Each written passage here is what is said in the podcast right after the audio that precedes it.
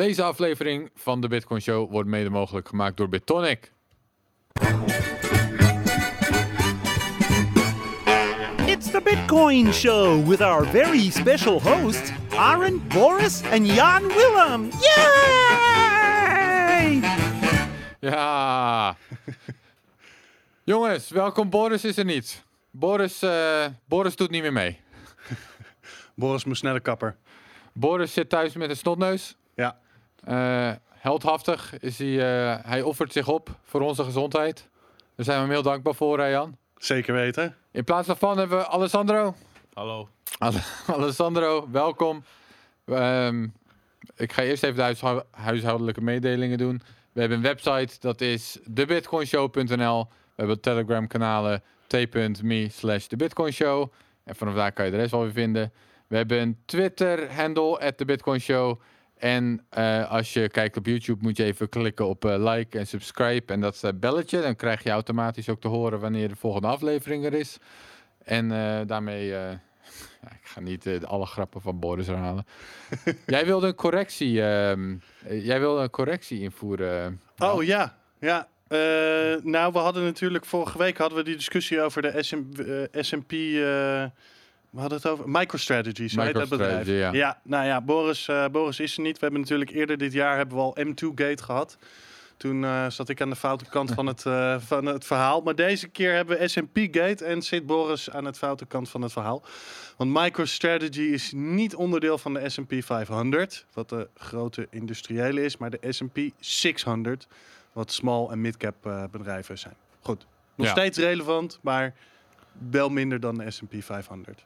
Ja, dus de, je hebt de S&P 500. Dat zijn de 500 grootste bedrijven op... Op welke beurs precies? Eh, nou, nee, de S&P is een, eh, een index van eh, ja, grote Amerikaanse bedrijven. Ja. En die zitten op verschillende beurzen in, in Amerika. Oh, dat maakt niet uit. Het is niet per se één beurs. Het is niet per se één beurs, nee. Nee, nee, nee, nee. En de heb- S&P 600 is een toonaangevende index voor small mid-cap company. Dus die zitten onder de 500. Zeker, ja, het zijn veel zijn het kleiner dan de volgende 600? Of hoe, moet, hoe werkt dat precies?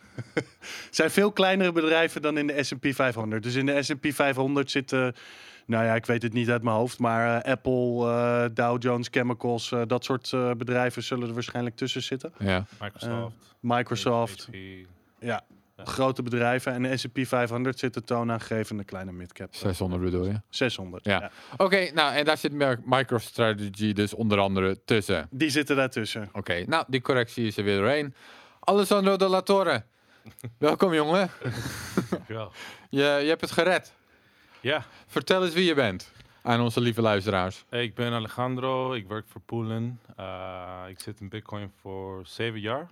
Mhm. Ik denk eh, eh, zoals lang In de als mic. eh, juli, toch? 2013 in eh, Bitcoin eh, wo- woensdag. Ja, daar hebben we elkaar voor het eerst gezien, denk Onze ik. drie. Hè? Onze drie, hè? Ja, Oh ja, Jan ook, ja? ja, ja, zo hebben we elkaar allemaal ontmoet. Nou, nee, wacht, volgens mij heb ik jou... Ja, Aaron, dat is iets later toch, Jan, of niet? Ik heb jou voor mij voor het eerst gezien bij, eh, bij die, bij die Bij dat congres. embassy, zeg maar. Nee. Nee. Oh, wacht. Ja, dat zou wel eens kunnen. Ja, dat maar denk ik kwam ik. wel Bitcoin Wednesday, Ja. maar volgens mij hebben we elkaar toen voor het eerst gezien bij de embassy. Nee, Ja. maakt verder niet uit. Ja, Ehm, dus ik zit, wat- er, zit in Bitcoin sinds 2013. En, eh, Wat is, wat is Poolin en wat doe je daar? Het is een mining pool. Grootste, een van de grootste mining pools ter wereld. Eh, we minen Bitcoin en andere cryptocurrencies, de grote, eh, grootste cryptocurrencies. We zijn nummer twee volgens mij nu, eh, of één. eh, Op Bitcoin, in- in- of? op Bitcoin, ja. Ja. Dus we hebben rond 15 eh exahashes, of 16. En, en jullie minen ook andere cryptocurrencies? Ja, eh, Zcash, Litecoin. eh, Ah, Oké, niet alleen Bitcoin. Niet alleen Bitcoin, maar Oh. we zijn, we zijn, we zijn de een van de grootste in Bitcoin. En wij zijn meestal een Bitcoin mining pool. Ja, en jij bent de. De vice president, zeg maar. Maar ik, wat, wat ik doe is business, business development en marketing. Ja. Oké. Ja. En vooral buiten China, toch? Want het is een Ja, Chinese, buiten- het is een Chinese pool. Ja. En vertel eens, wat is de geschiedenis van Poolin? Want dat is op zich wel interessant. We zijn eigenlijk die eh, co-founders van eh, BTC.com ook. Dus wij hebben, we hebben veel jaren in de mining pool business. Maar we zijn eh, klaar met Bitcoin. Bitmain, sorry. Ja. En ja, dus even voor de duidelijkheid, BTC, dat, kan, dat was een onderdeel van Bitmain. ja. Maar dat is wel een beetje een apart onderdeel. Of een beetje een zelfstandig onderdeel binnen Bitmain. Ja, zelfstandig. En dus die eigenaars, die, of die co-founders zijn die co-founders van Poelen. En ik ook. Eh, dus we, we hebben de- hetzelfde, precies hetzelfde ding gedaan nu, maar niet onder Bitmain. Ja, precies. En we zijn nu eh, beter of uh, hoger dan btc.com. Which is een eh, beetje Right. bit- bittersweet, eh, maar goed. Maar Bitmain vond dat niet leuk, volgens mij. Nee, nee, wij, wij, wij zijn eigenlijk nu klaar met een, ehm, met een lawsuit. eh, van Ja, 30 rechtszaak. ja, rechtszaak van 30 mi- eh, miljard. 30 miljard. Ja, Miljoen. Een miljoen, eh, nou, een miljard, eh, miljoen. miljoen. Ja. Zes nullen. Miljard is wel heel erg. Dat, is, dat is een beetje. Ja. Oké, 30 miljoen. Ja.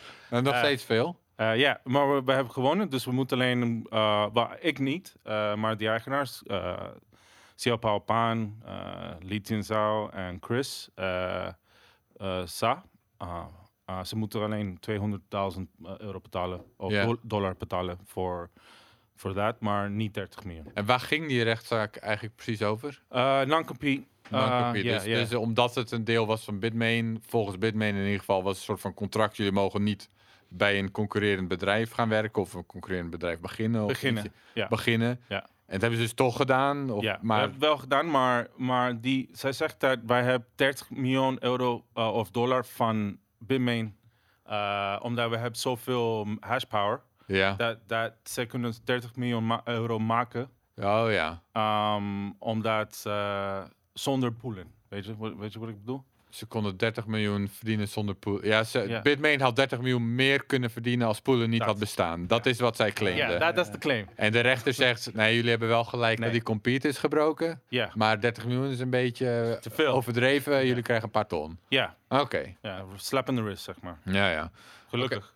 En dat, ja, dat is onlangs, toch? Een paar Ja, weken geleden. Een paar weken, ja. Ja, dus nu kan Poelin gewoon door. Maar Anders hadden jullie een probleem gehad, neem ik aan. Ja, 30 miljoen is eh, echt een probleem, maar gelukkig... eh, Maar ik wil nog iets meer weten, want je hebt ook, jullie waren dus onderdeel van Bitmain. En Bitmain is sowieso elke, elke maand alweer in nieuws over. Dat gaat allemaal rollend met elkaar over straat. Vechtend op een gegeven moment, letterlijk. Mhm. Gingen letterlijk video's Oh ja, ik heb ook gezien. in het rond. Dat, dat er gewoon een vuistgevecht was bij dat. Ze, ze zijn niet goed. Ze zijn niet, wat eh, is dat voor. vechters, Wat is eh. dat voor. Het zijn geen goede vechters. Nee, nee. Maar, zag er niet uit. nee, oh ja, dat is, dat is grappig. Maar, wat is, maar wat is het voor bedrijf, eh, Alessandro? Ah, kun, je, eh. kun je daar wat over vertellen?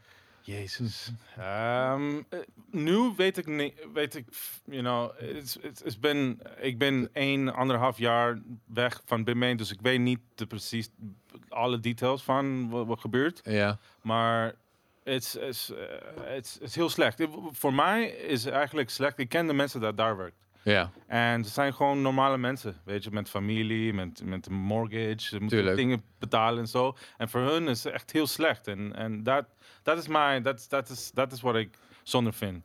Maar van eh Jihan en McCree, weet, eh, niemand weet wat gaat gebeuren. Maar ik denk Jihan is een sterker businessman dan McCree, dus ik denk Jihan gaat winnen. ja. Maar goed, ze vechten om, om eigendom of over control. Over controle de hele over controle van. Bitmain, ja, het is een gek, is een gekke fucking verhaal. Ja. Echt gek. En hoe, hoe gaat het nu met Bitmain? Want dat was natuurlijk een tijdje de grootste, de belangrijkste Ja. speler in de Bitcoin mining wereld. Ze zijn nog steeds, ze zijn nog steeds de grootste. In, in manufacturing ze zijn nog steeds de best. De- en dan heb je het over het, produceren, het eh, maken van, produceren van hardware, denk ik. klopt. Ja, jij die- zegt daarin zijn ze nog steeds het best. Ze zijn nog steeds de best, omdat ze hebben uh, de hele economies of scale. Weet je? Mhm. Ze hebben alle manufacturing, al de logistics, al, alles is goed gedaan daar. Mhm. Daar, daar, zijn, daar, zijn, daar is Bitmain de nummer één. Uh, MicroBT eigenlijk is nu beter met de chips en zo. Maar het is zo- het is echt moeilijk om een grote economies of scale te bouwen. ja. Bitmain sta- staat jaren al bezig. Dus ehm, ze zijn nog steeds goed met dat. En ze hebben, ze hebben veel geld nog steeds. eh believe, Ja, it- ja. believe it or not. Ehm, dus On- ondanks een Bitcoin. Cash bet. Oh ja, dat was, dat, ja, dat was, dat was heel slecht. Ehm, voor iedereen. Eh, Eh, maar, maar ja. ehm, Maar MicroBT die je net noemde, die ook heel goed zijn dus, dat Ja. zijn eigenlijk jullie, die zaten ook ooit bij ja, Bitmain. het is eigenlijk dezelfde verhaal als ons. Ja, Eh, precies. ze, ze werkt bij Bitmain, ze hebben- maar die gasten van MicroBT zijn chip designers. Ja, Um, de manufacturing side van Bitmain. Wij waren de pool side, ze waren de manufacturing Ja. side. En ze hebben ook eh, problemen met Bitmain gehad en ze, ze ging ook zijn Hm. eigen bedrijf te maken, MicroBT, en nu zijn ze beter. Het is moeilijker in manufacturing. Po- Pool business is misschien een beetje iets makkelijker. ze hebben Eh, veel breder proces nodig, zoals Klopt, moeilijker, Logistiek en van alles, er, Ja. van alles erop en eraan. Maar het chipdesignen, daar zijn ze wel goed in. daar zijn, die zijn beter dan Bitmain. Beter. Ja. En hebben zij nou ook allemaal legal issues met Bitmain? Of? Ja, maar ja, die, die is een beetje erger. Die, die, die eigenaar van MicroBT was eh, eigenlijk in eh, de gevangenis voor een paar maanden volgens mij. Maar ja, het In China. in China. Ja. Ja. Ik, ik, maar het is- kijk, ik werk met Chinezen en zo en ik ben de hele dag aan het praten met eh, China. Maar dat is echt zo moeilijk om te weten wat, wat eigenlijk gebeurt daar. ja, ja. En, en, en ja, ah, ik spreek heel, heel klein beetje Chinees, dus ik kan niet Oh ja, hoeveel talen spreek je? 14. Vier, volgens mij. Je, mo- je, moet wel, eh, je moet wel een beetje... Een spreek, bier- ik spreek een beetje Ga- Galician eigenlijk. Zeker met een biertje erbij, zoals nu. Oh ja, ja kijk. dan gaat je Nederlands eh, iets het is niet- beter het is geen begrepen, bier-? Het is geen biertje. je kan niks zien. Nee, je kan het op, op het beeld niet zien. Nee, dat komt door de achtergrond. Oké, dus we hebben Bitmain. Bit, eh, Ja. de meeste eh, hashpower zit nog steeds in China. Toch? Ja. Of, hoe ze, of de, in ieder geval bij de pools. Maar zit de hashpower daar zelf ook? Weet jij er meer van? Ja, ja, we- ik weet. Ja, het is nog steeds ehm, rond 75% van alle hashpower zit nog steeds in China. Zoveel, want er was ook inderdaad van Cambridge Analytica recentelijk. Ja. 65% in China, maar jij zegt dat klopt. Dat klopt. Ja, ja we, eigenlijk een van de pools dat was, ehm daar heeft eh, data gegeven naar deze Mhm. studie was eh Poelen. Oké. Ja, ehm, dus ja, rond 65%, misschien 70. Uh, maar ik denk rond 65. M- ehm, en, ik, en andere landen zijn. eh Kazachstan is ook heel groot. Eh, Canada, Noord-Amerika. Maar eh, er Maar ja, zijn, het er zijn- volgt allemaal op grote afstand van China, zo te horen. Als China 75 heeft, wat jij... ja, het is niet, het is niet per se te groot, maar het groeit. Dat is, dat is, dat, dat is, dat is, die, eh, dat is de belangrijke ding. En is China groeit of neemt af? Ehm, eh, kijk, die Chinese miners blijven in China. Ja. Ze gaan niet uit. Ehm, als, als, die, als de elektriciteit laag is, de kosten van elektriciteit laag is, ze blijft daar. En ze, ze zijn Chinezen, het is het eigen land, ze kennen de hele verhaal. Uh, dus ze blijven in China. Nou, die enige ding voor mining dat heel belangrijk is, de nummer één ding, is ehm, de kosten van elektriciteit. Mhm. En als, je, als, als miners vindt een plek waar z- eh, lage elektriciteit is, ze gaan daarheen. Kazachstan heel lage elektriciteit kosten, omdat ze va- hebben veel kool. Dat is eigenlijk niet Ja. groen. Maar dat zijn dan niet eh, bestaande miners vaak, maar misschien mensen die dan gaan minen in die landen. Want net zoals jij zegt, Chinese miners blijven in China. Ja. Dus als u, hè, Kazachstan, zijn dat dan Kazakken of zijn dat buitenlanders die zijn- naartoe gaan? Het is eigenlijk, oh, goede vraag. Ja. Het zijn eigenlijk Kazaks en ook buitenlanders. Oké. Ja, maar die, die, die, de ding is, van China is echt moeilijk om binnen te komen als Mhm. je buitenlander bent. Je, je moet werken met de Chinezen. En er zijn, het, het is moeilijk om te werken in China. Het is, het is moeilijk. Ik ken, ken, ik ken het heel goed. Um, maar in Kazak is, is makkelijker. Dus er zijn Ja. eigenlijk veel buitenlanders. En er zijn andere landen, bijvoorbeeld Paraguay, uh, heeft de, de tweede grootste hydroelectric power plant in de hele wereld. Ah ja. Na, uh, de eerste is Three Gorges in China. Mhm. En de tweede is, eh, eh, ik ver- vergeet de naam, is een rare naam. Maar dat is de tweede grootste in de hele wereld. En ze hebben eigenlijk in, ehm in een deal met Brazil. Ze moeten, ze moeten 50% van, ehm van alle elektriciteit geven naar Brazil. Omdat Brazil heeft de geld gegeven om dat te bouwen. Mhm. Maar nu in 2023 is het voorbij, die hele deal. Ze hebben alles Ah. betaald. Dus de kosten van elektriciteit in Paraguay gaat heel, heel, heel laag worden. Ja, ja. Dus er zijn eigenlijk nu veel buitenlanders en ook Paraguayens uh, bezig met uh, uh, uh, mining farms te bouwen. Dus ik denk in een paar jaar, misschien 2000, Ja. na 2023, dat Paraguay gaat misschien, weet niet groter dan China, maar wel groot. gaat worden. Dus Oké. eh, dat, is, Ja. dat is ook goed. eh, goed voor Zuid-Amerika. en, Ja. En wat betreft ehm, dat, dat minen in China, heb je een idee hoe dat er uitziet? Zijn dat zeg maar grote mining farms of zijn het ook veel individuele miners? Of verschilt dat nog per regio? Of zit het allemaal in één regio? Ja, ze Of- zijn, zijn heel groot. Heel grote opera- operaties. Hele grote mining farms. Heel, heel, heel groot. Heel groot. En, en in één specifieke regio? Of... Ja, ja dus dat is eigenlijk een, eh, dat is ehm, heel interessant. Omdat wanneer de West Season is, de heet, het- ze heet West Season in Het China. regenseizoen? Ja, regenseizoen. Ehm, ze gaan naar Sichuan.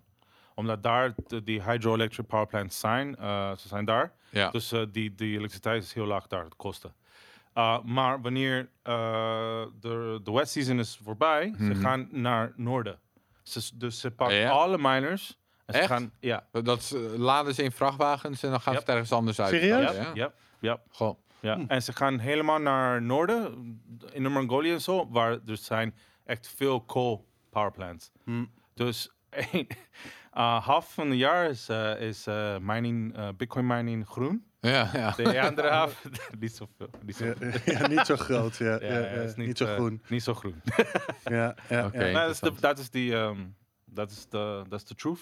Ja, hey, en een van de dingen die Poolin doet, is ook jullie switchen volgens mij ook met Oh, ja. jullie mining pool tussen coins, toch? Dus jullie gaan Ja. van Bitcoin. BCH. En Ja, als Bitcoin Cash iets goedkoop of iets meer profitable wordt, dan Ja. switchen jullie gewoon daar naartoe. Ja. En weer terug, of misschien ook eh, Ja. Bitcoin SV. Ja, we zijn nog steeds bezig met Bitcoin SV, maar er zijn eh veel, eh, ja. Eh, maar we zijn bezig met BCH, dus we, wij, als het meer profitable is, we, wij shoot hash power, zeg maar, Ja, ja. naar BCH en, en fuck up de blockchain, Ja, maar we wel- meer geld. eh. Daar zijn ze volgens mij niet blij mee, inderdaad. Want Nee. daarmee Nee, wordt hun blockchain dus minder stabiel. Omdat er opeens Hm. zo'n onwijze surge van hashpower van Bitcoin overkomt. En dan, dan ja, ze zijn helemaal niet blij met dat. maar we, we don't care. Ja. Nee, maar jij was er wel een beetje Bitcoin Cash eh, Kijk, ik, ik, ja, voorstander. Ja, ik, ja, eh, nee, well, back in the day, Alessandro. Nee, ja, oké. hoe, hoe is dat nu?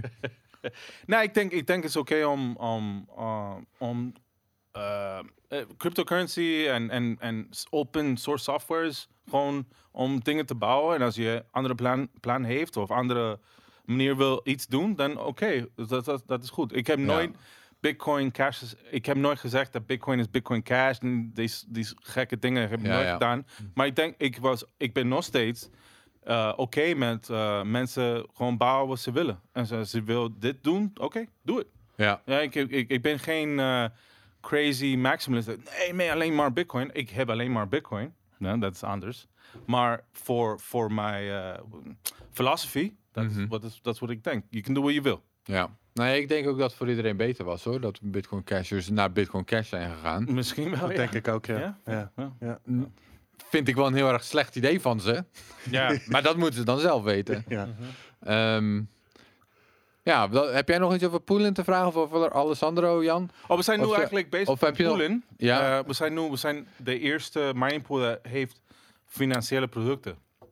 Dus, Oké. ja, dus wat, wat dat betekent is dat uh, miners can nu uh, uh, borrow, lend, uh, colla- um, earn, interest, zeg maar. Die, ja, Uh, miners. miners. Dus mensen die bij jullie pools zitten aangesloten. miners. Ja. Miners, ja. ja. Dus dat, dat, is- dat is... ehm, we zijn de eerste en dat is eigenlijk een grote ding voor, voor de miningwereld. Omdat veel miners, bijvoorbeeld in China of in Paraguay, Kazachstan, kan niet eh lend. Dus het is- moeilijk om, om, om geld te te lenen. lenen. Dus uh, met Poelen, nu kan ze wel. Ah, Hebben, ja? hebben jullie een eh, bankcharter daarvoor? Nee, maar we werken met eh Three Arrows Capital. Um, het zijn uh, heel grote... Ja, ja, iedereen het, Zosu. visiefund. Ja. Ja, heel groot visie van, heel groot ehm, investment company.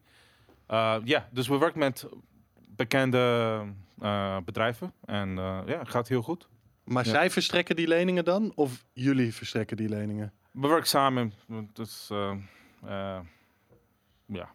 Oké. Eh, we- Ja, er was nog iets anders. Jullie zijn eh, voor Taproot aan het signalen. Ja. Op, uh, Ja, tenminste, even voor duidelijkheid. Nou ja, vertel zelf even wat Niet- dat is. Niet of wat dat... signalen, maar nee, we, precies. we Maar hebben wel op die eh, Coinbase eh, Taproot gezegd. Or whatever, ge- Er staat Taproot. Ja, staat. Ja. Het doet verder niks op dit Dus moment. niks, niks, maar, maar- Het, maar het is, nou ja, je kan het wel signal noemen. Het is een, je zendt een signaal naar Ja. de wereld. Ja, nou, we- wij- wij willen, wij willen Taproot. Kijk, iedereen op Eh, heeft er ervaring van eh Segwit en van alle andere eh, upgrades van. Bitcoin. Voor zeven jaar nu zijn we bezig met de, de dingen. Met Bitcoin. Eh, dus wij willen, wij willen nu met Taproot, wij denken dat Taproot goed is. ehm, belangrijk is. Eh, dus wij denken dat die eh, mining pools heeft een belangrijk eh, position. po- pos- Positie. ja, Ja. ja. en Rol. Rol. Ja. Dus ehm, wij proberen gewoon, een, een, zijn, we zijn een van de grootste mining pools in Bitcoin ook. Dus wij denken dat als wij, you know, eh, achter Taproot zit, Mhm. en, en Dat dat helpt. dat, dat Ja. helpt. Ja, En, en hoe- hoeveel, want je zegt, je hebben ongeveer 16 exahash? ja, 15? ja 16? s- ro- weet niet. Rond, dat- rond, rond dat. Ja. Dus dat, eh, ja, ik hou dat niet bij mij. Is dat ongeveer 10% van de nee, meer, 15% tot. We hebben rond 15 tot 20% van de hash Bitcoin. Oké, Zo oké. zijn groot. En wie is het eh, grootste nu eh, op het moment? We Eh, zijn, ik weet, ik heb, ik heb één week nog, eh, ge- dat ik heb niet niks gekeken, maar we, we Globaal. Zijn- F2, F2 pool, Ja. zo groot, en ook de Bitmain pools zijn ook groot. eh, eh, Endpool en eh, BTC.com. BTC.com. Ja, ja, Ja. ja. Hey, en denk jij dat, eh, want jullie zijn dan eh, voor eh, Taproot. Ik vermoed zelf dat eh, F2Pool waarschijnlijk ook gewoon daar Ja, eh, voor ja, signalen. ja, zeker. Maar denk jij dat de Bitmain pools eh, weer de dwars gaan liggen? Dat is de vraag. Oké. Ja, dat, dat, ehm, ik hoop het. Ik denk, ik denk ze zijn, ik denk, kijk. de Je hoopt het Je dat hoopt ze dwars gaan liggen. Ja, ik hoop het. Ik hoop het. Ehm, ze zijn, ze zijn, ze zijn een, een Bitcoin mining. Ze maken veel geld van Bitcoin. Ja. Dus ik denk, ze willen de best voor Bitcoin. Ik hoop. Maar ja, Oh, je, dus je hoopt dat ze gaan signalen? ik hoop. Ja, ja. ja maar we weten, ja, ja, kijk, ja, Poelen ja, ja. heeft niet zo goed eh, eh, Contact meer contact met met Bitmain. Bitmain. Nee. Nee. Nee, maar ik denk, ja, weet je, misschien, eh, ja, ik weet niet. Misschien als ze, kijk, ze hebben nog een hele hoop geld, maar ja, maar misschien schiet ze zichzelf nu in de voet als ze weer gaan eh, dwars liggen. Weet je, wat is het punt? Wat, wat, wat hebben ze er nog aan? Ja, ik, Ja. maar goed, Maar ik ik denk, weet niet. ik- Gian Wu is naar mijn idee, ik ken hem persoonlijk eh, zelf niet, maar hij is, ik vind hem nogal onvoorspelbaar. Je weet niet zo goed wat hij gaat doen, ja, dus het zou zomaar kunnen. ja, nou, maar ik denk, ik denk, ik hoop dat ze hebben geleerd van eh, Ja. de vorige keer. Oké. Ah, jij kent hem een beetje, toch? Ja, ik Wa- ken hem dus, heel goed, eh, ik ken hem heel wat, goed. wat zou je inschatten? Of, eh, of heb je gewoon geen idee? Je weet het inmiddels. Nee, eh, nee ik, hij, hij, hij is slim. Hij is maar slim. voor de rest, weet ik niet. Hij is een mysterieuze persoon. Oké. Oké. Is, dat, eh, is dat wat we hebben over? Of, eh, Heb je nog iets er hier aan toe te voegen, Alessandro? Eh, Of zullen we verder gaan naar de onderwerpen? eh, go. Let's Jan, Onderwerpen. onderwerpen? Ja, Oké, we gaan naar de onderwerpen. Eerste onderwerp, de Vincent Files. Jan, ja. dat is een big deal. Ik heb er heel veel over gelezen, maar ik ga even proberen een Probeer- korte, korte opsomming eh Vat te het geven. samen. Ehm, goed, eh, je hebt eh, een organisatie, FinCEN. Eh, voor de me- mensen die het thuis niet kennen, dat is de Financial Crimes Enforcement Network. Dat is een onderdeel van de US Department of Treasury. En die zijn verantwoordelijk voor het bestrijden van eh, money laundering en eh terrorismefinanciering. Mhm. Geldwitwassen en terrorismefinanciering. Dus wat doen zij? Zij collecteren allerlei data over financiële transacties, analyseren data en verspreiden ook die data naar law enforcement agencies. Zij werken samen met, eh, met banken, met politie, met noem maar op. Dat soort, dat soort organisaties. Nou, een van de belangrijkste aspecten van dat systeem zijn de zogeheten Suspicious Activity Reports. Als een bank een transactie ziet die verdacht is, waar er een vermoeden is dat er iets ongebruikelijks aan de hand is, dan kunnen ze zo'n rapport invullen, een Suspicious Activity Report. Of als ze andere ongeregeldheden zien. Ehm, en die kunnen ze opsturen naar Vincent en die onderzoekt dat dan. En ja, daar, daar, kan, dan wat, eh, daar kan dan wat uitkomen. Ehm, nou, die rapporten zijn vrij geheimzinnig. Eh, dus eh, je kunt ze zelf, heb ik geleerd, niet eens opvragen in rechtszaken. Eh, dus ja, daar zit gewoon daar zit een hele strikte geheimhouding eh, omheen. Maar wat is er nou gebeurd? Aan journalisten van BuzzFeed zijn bijna 2500 van dit soort rapporten gelekt. Dus Naast dat is- journalisten van BuzzFeed. Ja, ja. ja. Interessante keuze. Ehm, ja, ik weet niet precies. eh, nou, ik heb het interview. Ge, de, de, er zijn er een paar. Eentje heet Leopold eh, nog wat en dan nog een ander. Ehm, hij wou niet aangeven hoe die eraan was gekomen. Eh, maar hij is eraan gekomen. Wat heeft hij gedaan? Al meer dan een jaar geleden. Maar iemand heeft het naar hem gelekt. Dat zei je toch net, of niet? Hij wil niks kwijt Oh, dat- over hoe, dat hoe die het heeft gekregen. Oké, fair enough. Ehm, maar hij heeft die rapporten, die 2500 eh, eh, SARS, eh, wa- wa- waar stond het nou ook weer voor, Suspicious Activity Reports, gedeeld binnen een journalistiek netwerk, van waar ongeveer 100 partijen bij zitten. In Nederland bijvoorbeeld ook de Trouw. Al meer dan een jaar geleden. En zij hebben, want je moet echt voorstellen, dit gaat echt om tienduizenden pagina's. Nou, en hij had ook nog verteld, ze hadden al best wel moeite met informatie op een eh, slimme manier eruit te halen. Dus ze hebben echt alles moeten doornemen, lezen, et cetera. Eh, jo- journalisten eh, van bijna 100 eh, media outlets over de hele wereld zijn meer dan een jaar bezig geweest om al die rapporten door te spitten. En toen zijn ze gezamenlijk zondag met allerlei artikelen tegelijkertijd hierover uitgekomen. Mhm. Nou, ehm, ja, en het is nogal, eh, het is nogal juicy. Ik heb, ik heb eh, ja, juicy. Het is eigenlijk iets als je, als je zoals wij, eh, zeg maar, de discussie over witwassen en dat soort dingen goed, goed bijhoudt. En als je bij een bank werkt en zo, dan weet je dit allemaal wel een beetje. Maar zeg maar voor de gemiddelde persoon thuis die hier niet zo mee bezig is, is dit een, eh, waarschijnlijk een openbaring Mhm. eh, over wat er eh, allemaal in stond. Ik zal het even Nou, vertel het, kort aan de, samenvatten. vertel het aan de gemiddelde persoon Ik ga het thuis. nu vertellen. Ik heb Openbaar het. ik heb eh, zes belangrijke punten erbij eh, gezet. Het eerste is. Banken over de hele wereld eh, helpen eh druglords, terroristen en dictators met het bewegen van hun geld. Dat is Surprise, één. surprise. Als er iets gebeurt, is dat echt een slap aan de... Kijk, eh, Alessandro is een gemiddeld persoon, hè? Dus hij, het is een openbaring hier. eh. Zo openbaar. Oh, was je sarcastisch? Ja, Eh, banken krijgen meestal een slap on the wrist. Dus meestal als er een procedure loopt bij de banken, gaat dat via iets wat heet een Deferred Prosecution Agreement. Dus dat is eigenlijk dat ze buiten de rechtszaal eh, een oplossing vinden voor het probleem, wat meestal bestaat uit een niet hele erge eh, hoge fine en een probationary period. Dus Mhm. dat is punt 2. een ander ding eh, wat eruit is gekomen, of wat ze, wat ze noemden, dus in hun onderzoek wat eruit is gekomen, niet alleen van die rapporten. Ehm, zolang banken die suspicious eh, eh, activity reports filen als ze iets zien, zijn ze eigenlijk vrijwel wettelijk immuun voor wat er daarna eh, gebeurt. Dus meestal wat je ziet is dan dat ze dus wel die rapporten filen bij de Vincent, maar vervolgens wel die klanten gewoon vaak door blijven, door blijven helpen. Mhm. Eh, dus dat is, een, eh, dat is punt 3. Het punt 4, het ging om meer dan 2 biljoen aan flagged funds die ze hebben onderschept in die 2500 rapporten. Eh, de rapporten zelf, dat vond ik ook nog wel interessant. Ze hebben ook een hele analyse van waar de rapporten vandaan komen, welke landen, et cetera, allemaal dat soort dingen. Maar ik heb hier even uitgepakt de banken waar de rapporten vandaan komen. Dus ze hebben 2500 rapporten onderschept. Ehm, het ging totaal om 2 biljoen, eh, meer dan 2 biljoen eh, aan funds die verdacht was. Mhm. Deutsche Bank was in zijn eentje verantwoordelijk voor ongeveer 70% daarvan. 1,3 Altijd. biljoen. Altijd. Nou, Altijd en- Deutsche Bank. Altijd. altijd als er iets is, Is Deutsche staat Bank. Deutsche Bank, Ja, er, eh, staat Deutsche Bank ertussen. Maar goed, dit kan een paar dingen betekenen. Eén, eh, het, is niet, eh, het zijn niet alle rapporten van die periode. Het kan zijn dat toevallig heel veel van de rapporten van Deutsche Bank eh, gelekt zijn. Dat is één. Twee, het kan ook betekenen, want het zijn rapporten die Deutsche Bank zelf heeft gefiled. Dus het kan ook betekenen dat zij gewoon best wel oplettend zijn hiermee. Maar goed, er kunnen misschien ook andere conclusies aan verbonden worden. Mhm. Dat was punt 4. punt 5, iets anders wat er naar boven, onderzoek naar boven kwam.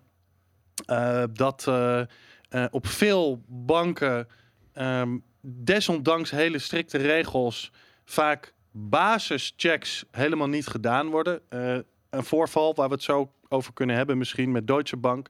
Want dat is een van de voorbeelden die uitgelicht werd. Ehm, dat het kantoor in Moskou niet eens een lijst kon produceren van wie er allemaal een rekening had. Dus dat Mhm. is, ja, dat is, nou ja, dat, dat zou je, als je wil beginnen, denk ik, witwassen te bespreiden, wat, ongeacht van wat je daar dan denkt, moet je toch wel in ieder geval een klantenlijst, lijkt mij, kunnen presenteren.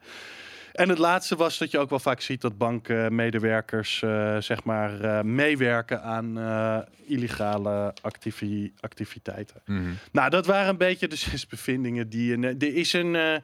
Eh, als je kijkt op de eh, BuzzFeed site, is er een hele. Want er, is, er wordt zoveel over gerapporteerd. Maar ze hebben een soort van centrale site voor hun artikelen. En er staan een hele hoop over in. We kunnen zo nog wel even die eh, van Deutsche Bank eh, misschien even samenvatten. Om wat voor soort eh, gevallen dit gaat. Maar ook dus in andere kranten, in de Trouw, in de BBC, noem maar op. wordt van alles geproduceerd. En al die nieuwsoutlets zijn natuurlijk niet helemaal dezelfde dingen aan het produceren. Dus in Nederland is er vooral veel ophef over de ING. Ehm, nou, een van de dingen die naar buiten is gekomen is dat eh, de ING eh, eh, de bank was voor Abramovic. Eh, en daar dat er dus allerlei hele, ja, nogal verdachte dingen aan de hand waren met de rekeningen van Abramovic. Zover ik begrijp zijn die rekeningen inmiddels wel geblokkeerd door, de, door de ING. Enfin, de, ja, de conclusie die ik hier ook weer uittrek is dat witwas, eh, anti-witwas eh, regelgeving eh, totaal niet eh, lijkt te werken. Nee, ja, We, we zeggen vaak twee dingen. Of in ieder geval, ik zeg vaak dingen, twee dingen. Eén is, het is onwenselijk. In plaats van dat je gericht op zoek gaat naar criminelen of naar de misdaad waar je naar op zoek bent, ga je eigenlijk het indirecte ga je criminaliseren om dan de, de criminelen makkelijker te pakken. Dus dan ga je financiële transacties ga je allemaal aan banden leggen. En iedereen moet zijn privacy opgeven. En je sluit hele delen van de wereld buiten. Daar had eh, Andreas eh Antonopoulos een heel goede thread over. Ja. En dat is allemaal in het kader van anti-witwassen. Dus al die negatieve gevolgen, die neem je dan maar op de koop toe. Om iets wat zelf eigenlijk niet crimineel is, het versturen van geld.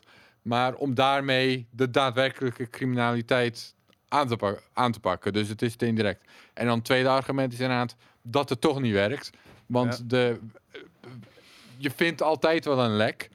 En als je een lek vindt, dan kan je dus witwassen. En in dit geval zien we dus, er is niet één lek. Het is gewoon allemaal zo lek als een mandje. Nou, dit, het, sterker hele- nog, het lijkt contraproductief. Want die, het lijkt er nu dus op, van wat ik eh, begrijp. Goed, daar zijn misschien de meningen van. eh daar zullen de meningen ongetwijfeld over deel, verdeeld zijn. Maar ja, wat ik er een beetje uit concludeert, in ieder geval van wat ik heb gelezen, is dat banken nu ook die SARS-rapporten bijvoorbeeld gewoon als een soort van vrij jail, get out of jail free card gebruiken. Want ja, als je dat hebt, als je het hebt aangegeven.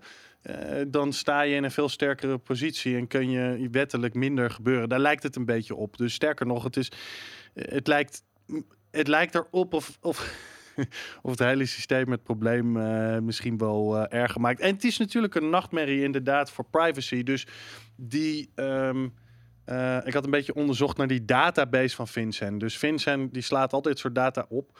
Er zijn in het binnenland van Amerika zijn er 450 organisaties, dan moet je denken aan politie, FBI, whatever, die toegang hebben tot die data, database.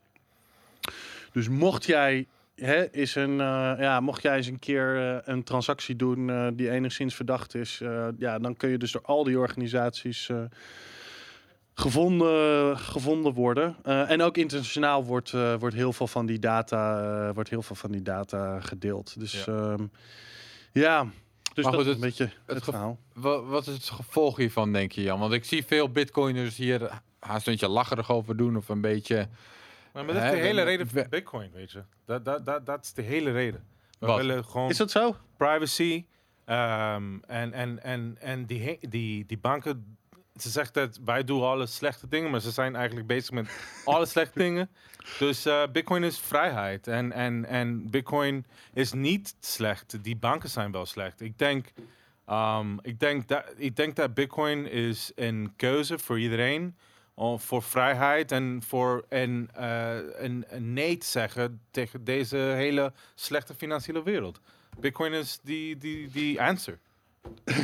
Ja, Voor je, mij. De- je, bent, je bent optimistisch. Het is jammer dat Boris eh, er niet is. Want die was gelijk met je meegegaan eh, met, die, eh, met die trein.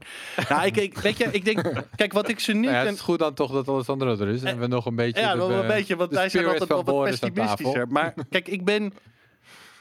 Ik eh, ga hier niet zitten en eh, bijvoorbeeld de ING veroordelen over het feit dat, eh, eh, dat zij mensen helpen die ook minder goede bedoelingen hebben met hun financiën. Want zelfs als je zeg maar, een bedrijf wil opzetten waar je alleen maar ethische mensen wil helpen, whatever, ga altijd mensen door de cracks heen komen. Dat, dat vind ik wel, dat vind ik wel oké. Wat mij heel erg stoort is hoe hypocriet het allemaal Ja, dat sowieso, ja. dat is wat mij eh, zo, eh, dat is wat mij eh, zo, eh, zo stoort. Want er worden ook door hoge mensen bij de ING, in de bankaire sector, bij de DNB, maar geroepen van.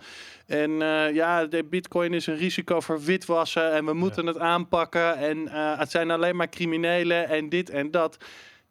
Als mensen geld willen wassen, witwassen, gaan ze naar. Het, naar gewoon het bankaire eh, sy- systeem. Zeker als er heel veel geld Ik, wil dan niet, ik ga het ze niet per se kwalijk nemen dat dat aan zich gebeurt, maar wel het feit dat ze zo hypocriet erover zijn. En het tweede is dat je gewoon ziet, ja, we moeten hier gewoon een beter gesprek over voeren. Dus onder academici, onder sommige journalisten, onder mensen zoals wij. ehm, wordt echt wel aangekaart dat dit systeem niet lijkt te werken en ook allerlei negatieve effecten heeft, zoals wij meerdere malen herhalen, maar al herhaald hebben, maar blijven het herhalen omdat het belangrijk is. Alleen dat is nog niet doorgecijpeld naar de politiek. Ik bedoel, ook als je de discussies ziet rond AML D5 en dat soort dingen.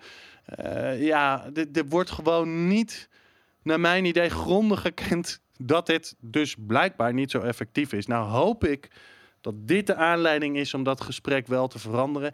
Ik ben bang dat het alleen maar aangegrepen gaat worden als excuus. Dat zei Andreas ook in zijn thread en ik denk dat hij daar gelijk in heeft. Kijk, we moeten meer geld, we moeten meer mensen. Eh, want eh, ja, weet je, als, er in, eh, als de overheid iets fout doet, is het altijd een gebrek aan, aan geld en Aan mensen. overheid. En niet het feit dat de overheid zelf misschien regels aan het bedenken is die niet zo heel erg slim zijn. Nee. Nou ja, Dus ja. precies. Dat was precies het punt waar ik heen wilde inderdaad. Dat, dat, als ik bitcoiners hier een beetje vrolijk over zie doen, dan denk je, ja, maar dit gaat nooit geïnterpreteerd worden op zo'n manier van, nou, misschien moeten we er eens mee ophouden met al die onzin. Het gaat alleen maar geïnterpreteerd worden als we moeten er nog meer van doen. En dat is Dat dus ook ik. slecht voor Bitcoin uiteindelijk, denk ik. Dan, Dat- ik Ja. bedoel, het, wordt- het is nu al moeilijk genoeg om een Bitcoin, re- eh, ik zeg Bitcoin rekening, maar om een Bitcoin exchange of, ja, of een bankrekening te hebben als Bitcoin bedrijf. Ja, het gaat echt niet makkelijker worden met dit soort dingen. Kan niet. Nee, Het wordt, nee. Nee, het gaat, gaat lastiger worden. Kan niet. Sterker nog, eh, de laatste berichten zijn vanuit eh, het wereldje dat eh, hè, de DNB lijkt er alleen maar iedere keer schepjes eh, bovenop eh, te willen, willen doen. Ja. We zijn begonnen met gewoon een registratiesysteem. Ja. Ja, En, het, het wordt, het wordt dus straks zo dat je inderdaad je adressen aan je identiteit moet zien te koppelen of zo op een of andere manier. Daar lijkt, die kant lijkt het op te gaan. Ja, dus eh, ja, het wordt alleen maar steeds strikter en onpraktischer en moeilijker voor bedrijven, denk ik zelf, om te, om te functioneren. Nou, is er nog altijd wel een argument voor eh, sterke regulering dat je daar misschien bedrijven mee zou kunnen aantrekken, maar ik ben daar niet echt eh, van, eh, van overtuigd. Ehm, ja, en ik denk ook dat, kijk, jij zegt. Bitcoin is, is vrijheid en, en privacy. En daar ben ik wel een beetje met je eens. Maar ik ben toch wel echt. ja, ik maak me toch wel echt zorgen. Want ik denk dat Bitcoin is. Ja, Bitcoin is behoorlijk veerkrachtig en weerstandig tegen aanvallen. Ook aanvallen op. eh, vanuit de overheid. Om het echt in een eh, jasje te douwen. En het niets anders te maken dan een soort van ja, tweede, tweede bankrekening. Maar waar ligt die grens? Want Bitcoin is niet soort van infallible. dus weet je, hoe, hoe sterk ik- gaat de overheid hierop reageren? Wat gaat er nog meer komen? Ja, Bitcoin Nou, kan ik het toch wil- best wel eens lastig Ik wil krijgen. daar wel een hele mooie Borisbrug van maken. Ja, Dan gaan we namelijk nu naar het artikel van Shinobi. heel goed. En, en daarin, eh, dat, dat artikel heet Things Bitcoiners Don't Want to Hear. En daarin, dat is dus een artikel en daarin schrijft hij twee, eh, misschien komen er wel meer, ik hoop het eigenlijk, maar twee soort van eh threat scenario's tegen Bitcoin die we Ja. misschien iets serieuzer moeten nemen dan nu gebeurt. Of die vaak een beetje worden genegeerd of weggemoffeld. En dat ben ik met eens. En dat is ook met Boris hadden we een paar afleveringen geleden. Dat, toen was jij dat niet, Jan, maar dat we al die. Dat we tien van die dingen gingen opnoemen. En Mm. we hadden er waarschijnlijk wel 50 kunnen op. Nou, 50 is wel heel veel. Maar we hadden wel door kunnen gaan. Maar in ieder geval, een van de dingen die we toen denk ik ook noemden. Of in ieder geval is wel vaker voorbij gekomen. Maar dat is dat als je deze mindset neemt van die regulators hebben over witwassen en die ze hebben over het controleren van alle financiële stromen en al dat soort dingen, dan is het een vrij kleine stap om dan te denken: oké, maar dan moeten miners en mining pools straks ook aan KYC-achtige dingen gaan doen. Yo. Alessandro.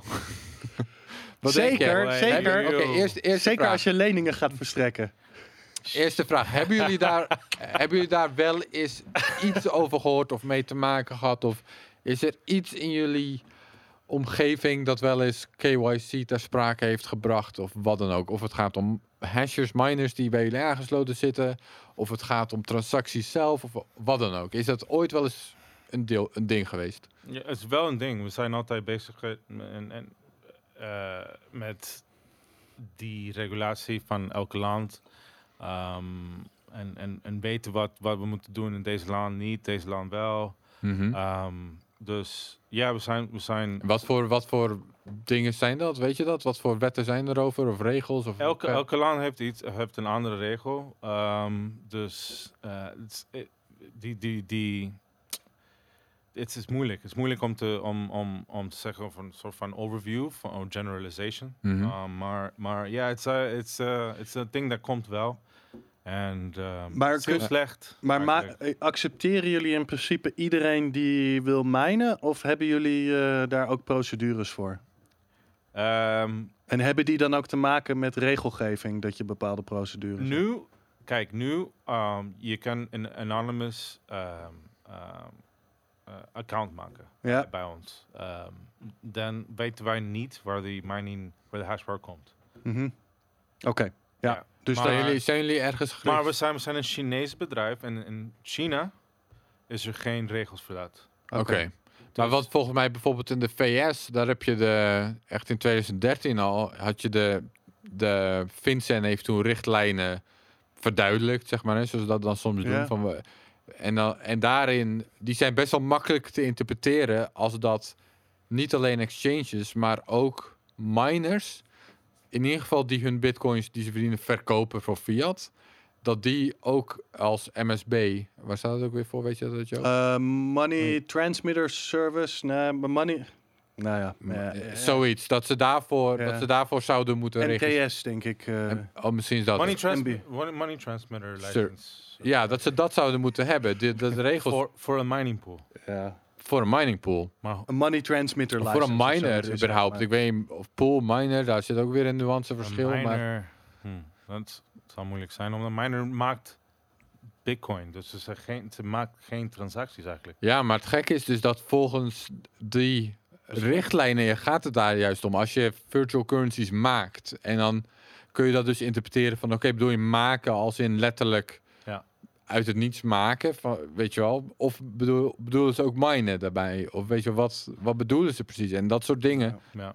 je kan het, je kan het interpreteren als zeggen van ze zouden nu al aan KYC moeten doen op een of andere manier. En een ander goed voorbeeld is natuurlijk Iran. Hè? Ja, Iran ja. eh, moeten al die eh, miners moeten licentie, eh, licentie hebben. Ehm, ja, en ik denk toch dat we, dat is het argument denk ik van Shinobi. Zolang die miningmarkt gecentraliseerd blijft. En dan niet alleen ten eerste via de mining pools. Hè, want er zijn geen decentrale. Ja, er zijn wel geloof ik protocollen voor peer-to-peer. Maar dat is allemaal heel inefficiënt. Maar ook gewoon de. We maakt, we maakt het meer efficiënt eigenlijk. Ja, maar ook de miningkracht zelf. Want eh, hij zegt, ken jij, dat vond ik wel, op zich heeft hij daar wel gelijk in. Ken jij ergens op de wereld waar er ergens eh, gigantische energie slurpende operaties zijn die niet op een of andere manier bekend zijn bij een overheid? Ja, en, en, en ik weet niet, hoe, hoe is jouw, eh, bedoel, gaan we ooit naar een, eh, Gaan we meer decentralisatie zien? Wat, eh, begin maar eerst bij, nou, ga maar eerst over regulering. Ik bedoel, denk je dat dat er in China, denk je dat het is misschien moeilijk voorspelbaar, maar waar jullie nu zitten, dat er een kans is dat die op een gegeven moment bij jullie aankloppen en zeggen: je moet KYC doen op de mensen die aansluiten bij de mining pool? Te moeilijk om te zeggen, weet, ik weet niet. Maar wat, wat ik weet is dat nu er zijn geen regels in China. En voor de rest weet ik, weet ik niet. Ik weet niet van, van waar de hash power komt. Ik, Nee, werk, ik werk in landen dat zijn, you know, eh, Europe, United States, Zuid-Amerika, waar je, eh, geen probleem is. Eh, met Nog niet in ieder geval. met, Nog niet. Ja, met sanctions en zo. Dus ik weet, ik, weet, ik weet niks van. De rest, ik, weet het niet. Maar Ja, goed, er zijn dus eigenlijk, er zijn zeg maar twee aspecten aan dit topic. Eén is dus politiek en de ander is technisch. Ja. Ja. De, dus de politieke vraag is, gaan ze dit soort dingen eisen? En het tweede is dan meer technisch, van, kunnen ze het eisen? Nou ja, dat ze het gaan eisen, en dat is denk ik ook een beetje Shinobi's punt. Ja, het lijkt mij haast onvermijdelijk. Van dat gaan ze eisen op een Mij gegeven moment. Want als je gewoon kijkt naar de mindset van die mensen en wat, ze, wat voor doel ze hebben en wat voor tool- tools ze hebben of denken dat ze hebben, of wat, weet je wel, dan, ja, dan, is het, dan zou het me verbazen als ze niet op een gegeven moment die stap willen gaan nemen. Op een gegeven En moment gaat er een trigger zijn, zoals bijvoorbeeld, stel je voor hè, dat we opeens te horen krijgen dat Noord-Korea massaal bitcoin aan het mijnen is. Zoiets. Dan ga, Of Iran, of Iran, whatever. Ja, nu, wat al zo is. wat al zo Maar is. Inderdaad. Dat gaat een, een trigger zijn. Dus eh, ja, Ja, ik ja. denk dat jij helemaal gelijk hebt. Maar tweede punt, want ik ben wel benieuwd naar jullie mening daarover. Of dat technisch. Hoe, hoe moeilijk dat is technisch. Oké, ja, dus technisch zijn er. Eh, je Stratum. Stratum. Protocol. ja, maar dat lost ook niet alles op. Eh, Alleen is dat, dat is wel. eh, even, of even denken we aan hetzelfde? Ik zat te denken aan Better Hash. Ja, dat is Bedoel je die? Ja, Stratum versie 2 is dat geloof ik. well, dat is van Slushpool, maar ja. Oké. Oké. er zijn twee plekken waarop je minen kunt reguleren. Eén is de pool. En de Mhm. tweede is de hardware. Dus de, de daadwerkelijke miner. Ja. Oké, de pools. En de elektriciteit bedoel je dan? Ja, ja, dat kan ook. ja, Eigenlijk- hardware, elektriciteit. Ja, Eigenlijk, ja. Oezbekistan heeft die, ehm, die de kosten van elektriciteit verdubbeld uh, in het hele land. Oh ja? Om te stoppen. Om te minen? Ja, Oh, en alle mijnen zijn weg. Jezus. Kom maar, twee jaar geleden. Ja. Dus- Oké, de pools die zou je kunnen reguleren als ze te gecentraliseerd zijn en als ze niet makkelijk, eh, als je niet, ah, hoe moet ik dat eens goed zeggen, als je niet makkelijk naar een nieuwe pool zou kunnen switchen. Dat wil dus eigenlijk zeggen dat je heel makkelijk een nieuwe pool moet kunnen openen en dat je het ook anoniem moet kunnen doen. En voor een pool maakt het niet zo heel veel uit waar je zit. Voor Nee. hardware en elektriciteit maakt het uit waar je zit. Voor een pool maakt het veel minder uit. Er zit wel wat voordeel als je geografisch in de buurt zit. Maar er zijn ook wel weer allerlei technische oplossingen dat het weer minder uitmaakt. Hè, van die fast relay network-achtige dingen. En daar, Ja. daar wordt van alles aan gewerkt. Eh, dan moet je dus ook dingen hebben zodat je...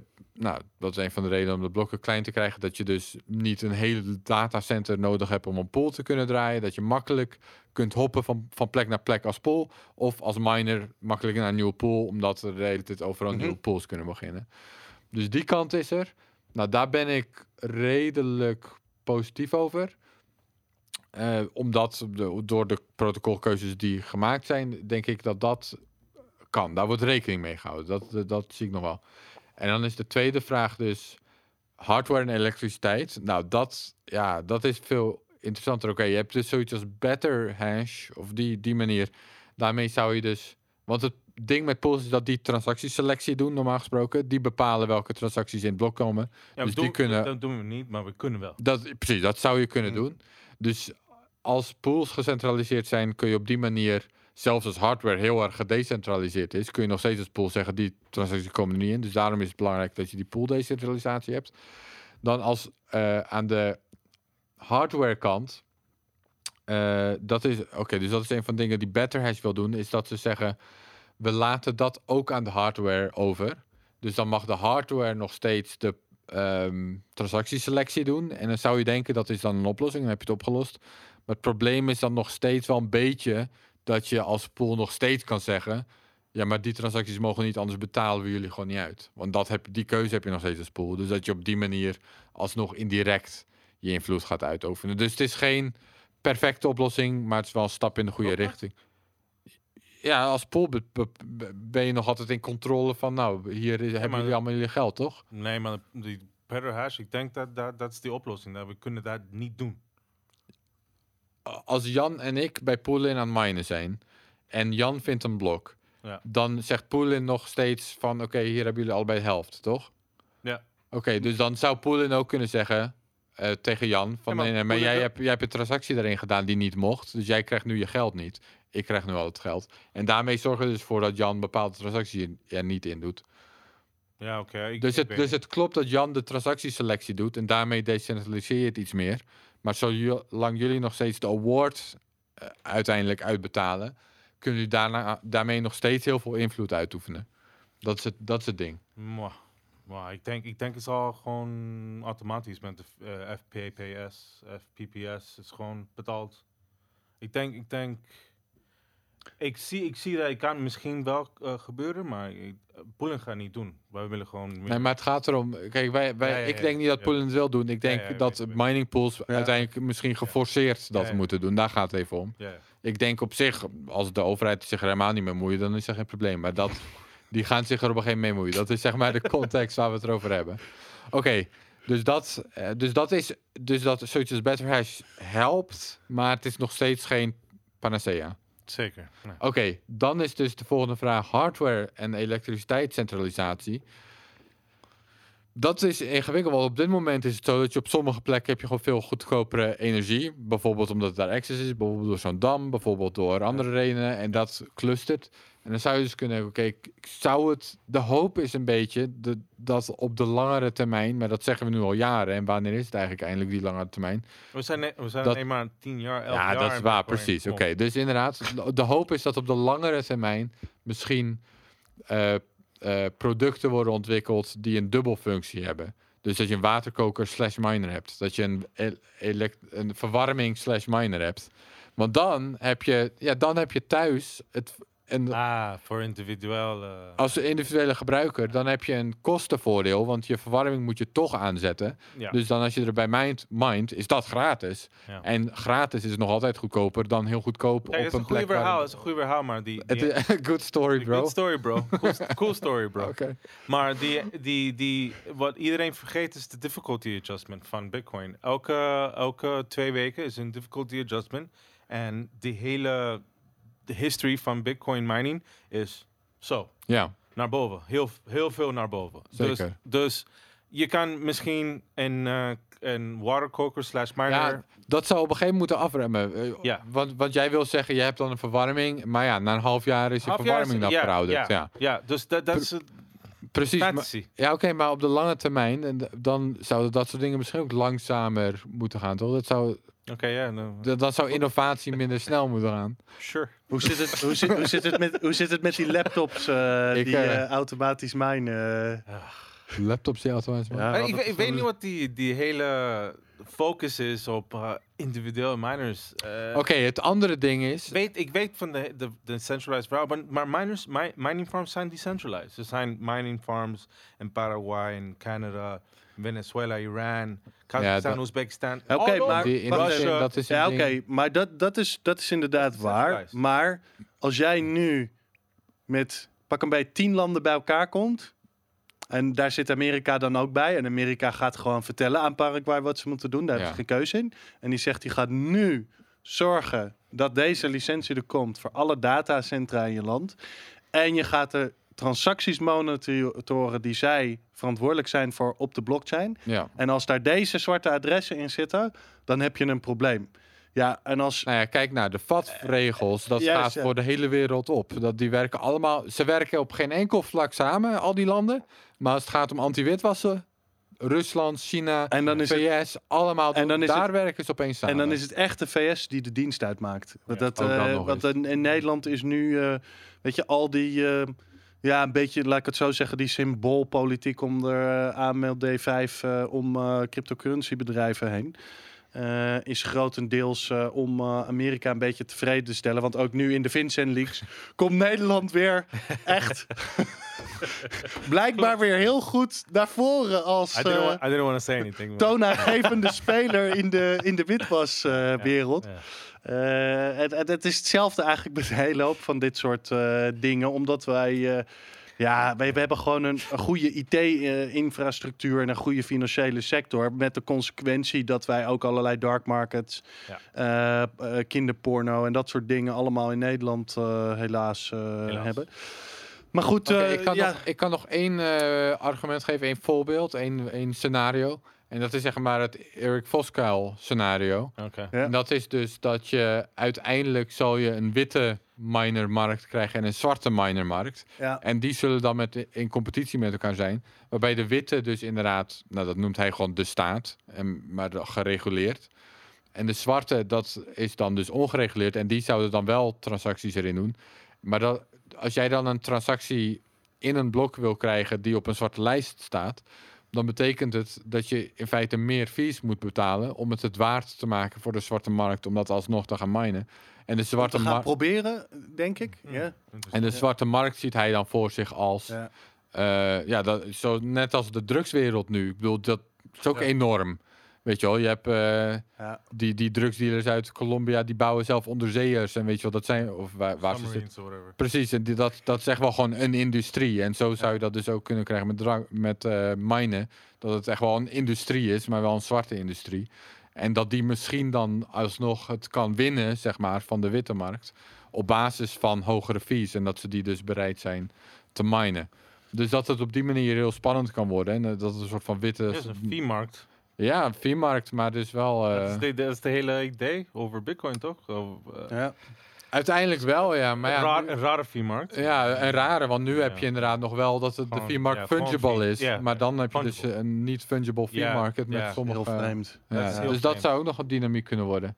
Ja. Ehm, Oké, eh, over dit artikel nog. Ik, ik kwam net een brug tegen die ik kon maken, maar die... Oh ja, dat, zou ik die brug eerst maken? Dan wordt het een heel ingewikkelde Nou, podcast. laten we even ik maak hem, ik maak hem, nee, ik Oh, maak hem, ik maak hem. Bruggen, ik ben er goed in. Ik wil een bier, ik wil nog een bier. Pak een bier, heb je nog? Pak hem. Ehm, we, hadden, we hebben het dus over minen gehad. En eh, ik zei net eh, Noord-Korea en toen zei ik Iran. Iran, daar wordt dus ook gemined, Jan. Ja, klopt, ja. Eh, artikel op eh, BTC Times. Wie kent het niet? Iranian power plants to auction off surplus energy to Bitcoin miners. ja. Jij hebt hem gelezen. Oh, nou, nou, nou, dan geef je die hele aardappel aan mij? ja, Oké, ja, ja. Ik ja. heb Nou, het was even, even kort. eh, eh, we hebben de, de, de is, nou, wij volgen dit al eh, eigenlijk vanaf het eh, een vanaf de eerste shows volgens mij al over Iran en dat daar heel veel miners zitten en eh, met alles wat er gebeurt en met licentieregimes en allemaal dat soort eh, zaken. Ja, daar was op een gegeven moment dat de hele overheid, die waren, het met, die waren elkaar aan tegenspreken ongeveer. Ja, de, de, de de- ene wilde het wel, de andere wilde het verbieden. De andere dacht nee, dat is juist totaal niet meer eh, logisch sancties- meer, maar blijkbaar hebben er nu meer dan duizend miners een licentie. Ehm, en wat ze nu ook willen gaan doen is om de hoeveelheid capaciteit elektriciteit te vergroten. Eh, willen ze een eh, auction eh, gaan houden van de drie grote powerplants. Eh zo, zo heb ik het, eh, Ja, dus- zo heb ik het begrepen. Dus drie Ja. grote powerplants in Iran, die gaan hun excess energy Gaan ze off-auctionen. Ja. afactionen aan Aan miners. miners, ja. Had je daarvan gehoord? Nee. Nee, dus. Echt? Ja, Shit. Ja, dus, dus eh, wat... eh, je moet naar Iran, eh Alessandro, ja. Ja. Nee, nee. Wat, eh, wat vinden we hiervan, Jan? Ik weet even niet wat voor... Ik weet even geen goede vraag. Gewoon, wat vind je ervan? Eh, ja prima idee. Goed idee. Ja, maar goed, we- zou, we- echt, zou dit een reden kunnen zijn voor de VS om eens een keer te zeggen... Hé, hey, eh, wat gebeurt er eigenlijk? Zou dat een aanleiding kunnen Nou, ik zijn? zou. Ik, van wat ik- we net allemaal hebben besproken. Nou ja, het verbaast mij. Ik denk dan dat. eh, ja, ik weet eigenlijk niet eh, hoe, eh, hoe VS die, eh, die schurkenstaten tussen aanhalingstekens rangschikt. Ik, ik neem aan dat zij Noord-Korea een tandje erger zouden vinden. Ik, ik weet eigenlijk niet hoe ze hier tegenaan kijken. Met, Denk ik niet. Het moet toch wel op de radar toch, zijn. nou ja, Ik bedoel, het is natuurlijk wel voor hun een manier om. eh, Sanctions. ja, om, om sancties eh, eigenlijk een beetje te kunnen vermijden door gewoon bitcoins te mijnen en dan in mijn bitcoins om te zetten. Maar ja, vooralsnog heb ik er eigenlijk dat ik daar niet echt berichten over, over hoor. En het lijkt nu alsof de overheid toch wel echt een kant op geslagen is van stimulering. Sowieso zijn er best wel wat landen die steeds meer eh, de stimuleringskant op lijken te, slaan. Eh, we hadden Kazachstan hadden we vorige week eh, voorbij eh, 700 komen. 700 miljoen. Ja, dus ehm, ja, ik, ik weet niet hoe ze. Ik, ik ben heel benieuwd hoe ze daar naar kijken, wat daarmee gaat gebeuren. Nou, dat heeft ook weer te maken met eh, natuurlijk waar we het net over hadden, met al die reguleringen en zo. Ik, ik weet eigenlijk niet of dat echt op hun radar staat. Maar goed, Iran zou een force to be reckoned kunnen worden in de miningwereld. Het is, is. Zijn ze nu al? Het is al bijna 4% hè, van de hashing power De wordt new geschat. mining pool, ehm, ik vergeet de naam, is de new mining pool nummer 9 of zo. 4%. En Ja. dat is een Iranese mining pool. Interessant. Ja. Dat Ik wist ik ook niet. Vergeet de naam. Ik, ik weet het niet. Vol 100% Iranees. Hebben jullie Iranese miners? Die je anoniem zei, hè? Dat weten jullie niet. Ik- Of jullie ik- kunnen ik misschien die niet, IP-adres Maar of we, we zo. doen alle, we, vol- we volgen alle regels. We, we gaan, er niet we, zijn. Gaan, we gaan snel door naar het volgende onderwerp.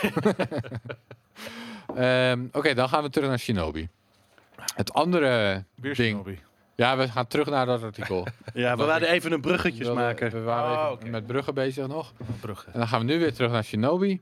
En dan had hij nog... Wat was de andere constructie? Oh ja, Ja, Lightning, over Lightning, Network. maar die vond ik niet zo sterk. Vond Nee? jij die wel sterk? Nee, ik heb hem ook wel eens Oh, genoemd in de Threat. show. Oké, ja, maar hij zegt... Zeg je Alessandro? Minor Threat. Die, eh, die, die foto. is van eh album. Van Minor Threat. Oh ja? Ja man. Foto van Punk. baby. Punk. Oh, Oké, nou dat wist ik niet. Ja, je weet niks. Wat Lightning? Wat is, wat is er met Eh, Lightning? nou ja, Lightning. wat hij zegt Wat is er met eigenlijk Lightning, Jan? Wat hij zegt eigenlijk is dat eh, hij zegt eh, Lightning eh, gaat misschien de race voor micropayments helemaal niet winnen. Er zijn alternatieven zoals LNURL off. Nou, dat kende ik helemaal niet. En dan Chromi en eCash. Nou, dat kende ik dan eh, wel. Die eh, eigenlijk beter eh, zouden kunnen, kunnen werken. Mhm. Ehm, ja, en de, de twee redenen die jij eigenlijk gaf, hè, als die blockchain fees op de base layer gaan natuurlijk op een gegeven moment stijgen, dat weten we allemaal wel. Mhm. En het is natuurlijk zo dat Lightning fees daar niet compleet onafhankelijk van, van staan. Eh, dus die zouden daarom ook eh, opwaartse druk, laat ik het zo zeggen, kunnen, kunnen ervaren.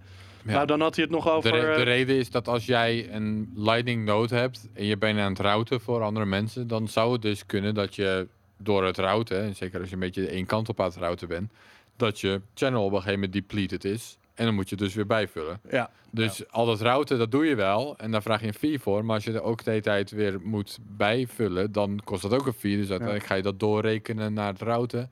En daarmee gaat het routen ook geld kosten. En dat betekent dus dat Lightning transacties duurder zouden gaan worden.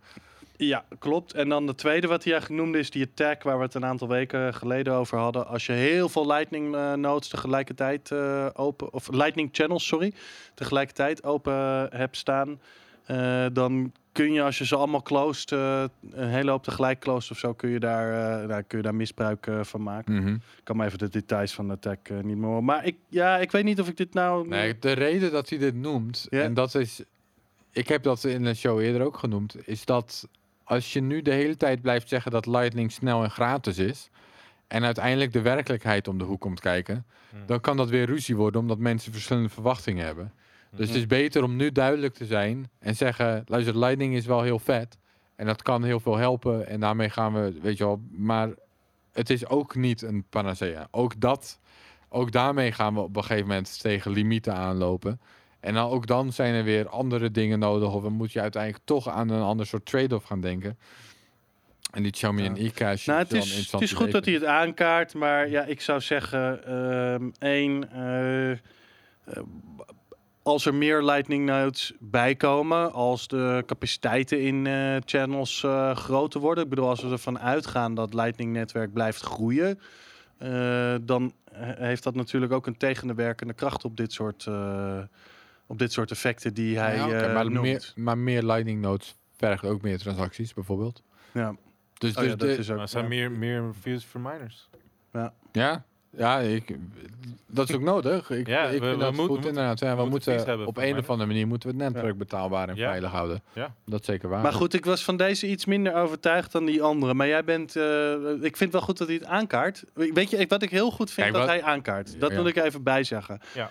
Ik heb eh, dat, eh, dat continu, dat eh, gejuich over hoe fantastisch en onverwoestbaar en nou ja, dat is... hoe veerkrachtig en hoe geweldig en ik weet niet wat Bitcoin allemaal is.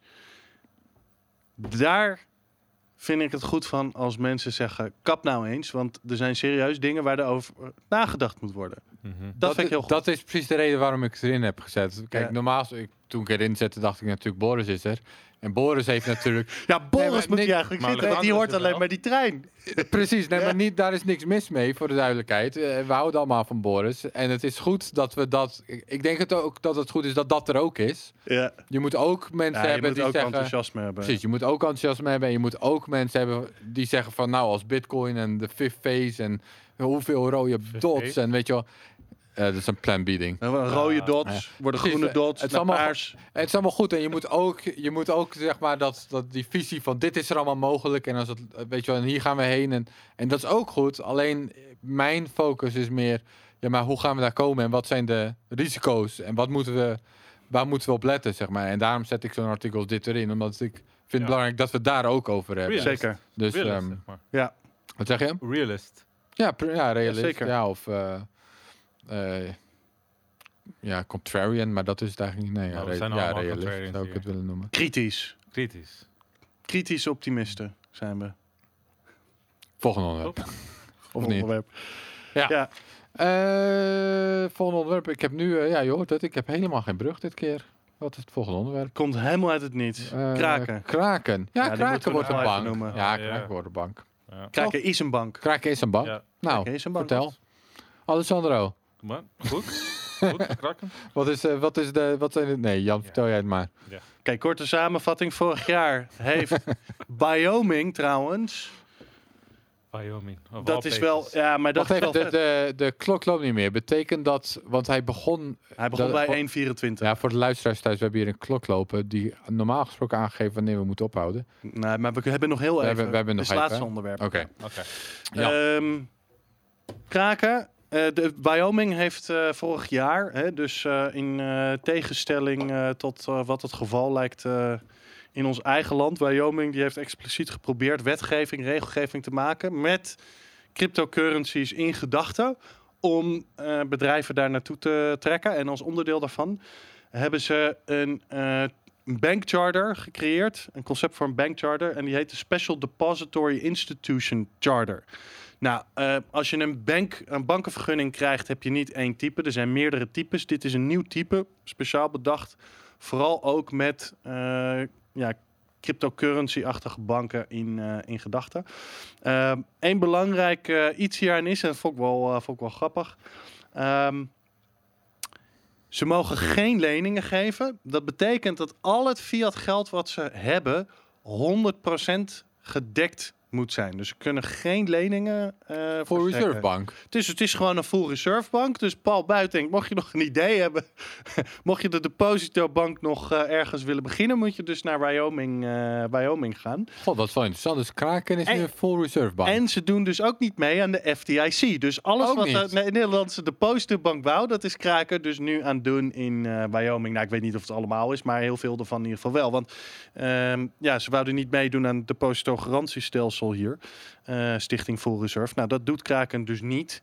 Eh, en ze hebben gewoon full reserve, eh, 100%. eh, ja, en ze zijn dus lid, en dat is ook wel geinig, ze zijn dus lid van de... hè, dus je hebt in Amerika heb je de Federal Reserve System. En dat zijn eigenlijk, mm, ik geloof, 13 verschillende banken die daar lid van Ja. zijn. Waar je rekening bij kan halen, 12 of 13. Dat En zij zijn, mij. zij zijn nu dus lid van de Federal Reserve voor hun regio, eh, Midwest of zo. Ik, ik weet niet welke dat precies is. Midwest. Ehm, maar zij krijgen dus een bank bij de. Zij krijgen dus een bankrekening bij de Federal Reserve. En dan full, Dus ze, full Reserve. ze Nou, worden gewoon een eh, full reserve eh, bank. We're in. En ja, eh, nou ja, dit is ook. ook maar dat zou, nou ja, Zij zijn dus de eerste met een licentie. Deze licentie. Ehm, en ze zijn dus de eerste cryptocurrency bedrijf. Eh, die, laat ik gewoon zeggen, bitcoin bedrijf. eh, die ook een, die een bank is geworden. Hmm. Eh, dus dat is interessant. Ze beginnen met het standaard type diensten. digital asset custody. demand and deposit accounts. bijvoorbeeld voor dollars. Of ja, eigenlijk alleen maar dollars. Maar ze willen later ook in Europa. maar dat zou dan best wel interessant ook En, kunnen zijn voor mensen die niet eens bitcoin willen hebben, maar gewoon hun geld op een full reserve bank, toch? Nou, lijkt mij, lijkt mij wel. Maar wat ik mij dus eh, afvroeg, maar daar had ik geen eh, tijd om uit te zoeken. Je hebt dus wel andere type depository institutions die ook geen leningen mogen verstrekken. En ik, vermoed dat die dan ook in, die zullen dan ook in effect eh, waarschijnlijk full reserve banks zijn. Maar goed, in Amerika kan dat dus allemaal. In, eh, ja, in Nederland eh, mag, dat, eh, mag dat gewoon niet.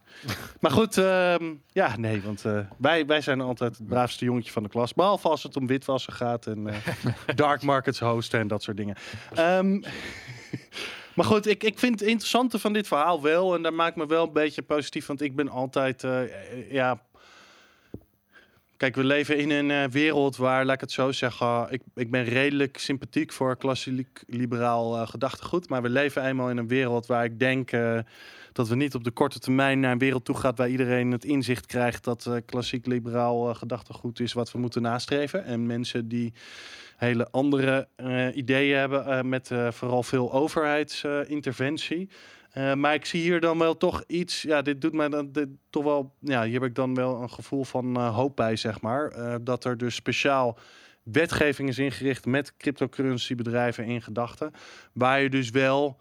ehm, goed, het is niet helemaal het ideaal van financial sovereignty, laat ik het zo zeggen. Maar het kan misschien wel bepaalde voordelen en nieuwe opties bieden voor mensen die er voorheen niet waren. En dat, dat vind ik er wel positief eh, aan. En wat betekent het voor Bitcoin, denk je? Iets Bitcoin? of niet echt? Ik denk. Ja, de cryptocurrency. Wat denk je van Bitcoin? je bedoelt Big Cash. Nee, Oh. Bitcoin in de. Is dit goed voor Bitcoin? Is dit slecht? Ik bedoel, maar Is het niet goed, niet- maakt het uit? Ik denk dat het. eh, ja, ik denk het wel. Kijk, ik eh, denk wel dat het wat helpt met eh, legitimiteit. Ik denk Ja. dat het weer mensen wat eh, nieuwe soort van opties eh, geeft. Ik denk het ook dat het helpt ja, in, het, in de hele discussies over reguleringen. Dus des te meer wij. ja, weet je, een van de problemen met AML D5 is geweest. Dat is een paar jaar geleden begonnen, die discussie. Ook in Nederland. En we hebben gewoon niet een sterke lobby hiervoor. Maar dit soort dingen zorgt er wel voor dat de Bitcoin lobby sterker wordt. Dus dat, Mhm. is, dat is ook wel belangrijk. Ehm, dus ja, ik, ik, zie hier wel, eh, ik zie hier wel positieve kanten eh, aan. Ja, en ik, ben, ik, ben, ik ben surprised dat Coin, eh, Coinbase niet... nee, ja, nee, nog steeds ik dacht, niet. Ik dacht, ik dacht eerst, ik dacht de eerste bank, of de eerste exchange dat gaat bank worden, zou, zou Coinbase zijn. Maar Nee, ja, het is dus kraken. En weet je wat Ja. het ironische hier aan is? Ehm, er was toch vijf jaar geleden die BitLicense. Dat ze Oh allemaal weg zijn in New York, gegaan. in ja. New York, Ook ja. kraken. Ja. met een, eh, met een eh, blogpost erover. Omdat zij deze licentie nu hebben. In principe zijn er allerlei akkoorden Oh, met dan de andere terug. De meeste andere staten dat ze gewoon weer dat ze daar gewoon kunnen opereren. En waarschijnlijk kunnen ze dus ook weer nu via deze omweg gewoon weer terug opereren in New York. Ja, ja. ja, want de BitLicense ging niet op voor banken. En dat is. eh, nou, nee, het is dat niet. Het is eerder dat eh, als je. eh, er zijn afspraken, ook internationaal en whatever. Als jij aan bepaalde eh, regelgeving van staten van één staat voldoet.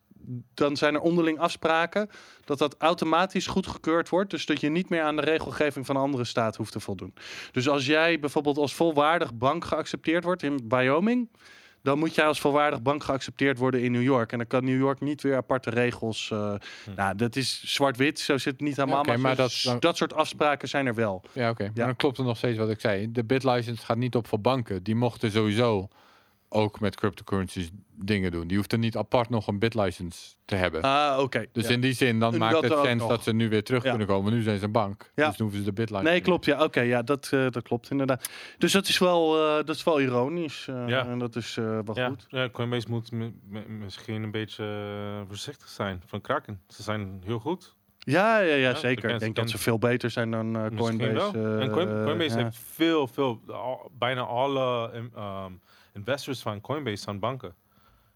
Ik, ik denk dat ik weet wel zeker dat Kraken veel. Ja, nee, naar mijn idee ik is weet niet wat van de kraken, maar ik weet van Coinbase. Coinbase. dat- Coinbase zou ik echt. banken. Ja, Bank for Japan is Ja. een investor van Coinbase. Ja, het is wel apart dat ze dan nog steeds niet die licentie hebben aan. Ja. eh, of misschien zijn ze mee Goldman, bezig. Iedereen. Alle banken zijn, zijn achter Coinbase. Ja. Ik begrijp het niet. Maar goed. Ja, had jij eh, transactie monitoring Nederland erin gezet, Jan? Oh ja, maar die brug hadden we eerder moeten eh, bouwen. Oh. Oké, maar goed. eh, een beetje onverduidelijk. er is een initiatief eh transactiemonitoring eh, Nederland. Dat is het laatste nieuws dan even. Ehm, wat is dat eigenlijk? Een initiatief van vijf Nederlandse banken die nu niet individueel eh, gaan kijken of jij misschien niet iets te veel appelflappen bij de bakker koopt. Maar ze gaan al die transacties met elkaar delen en dan gaan ze er gezamenlijk eh, naar kijken.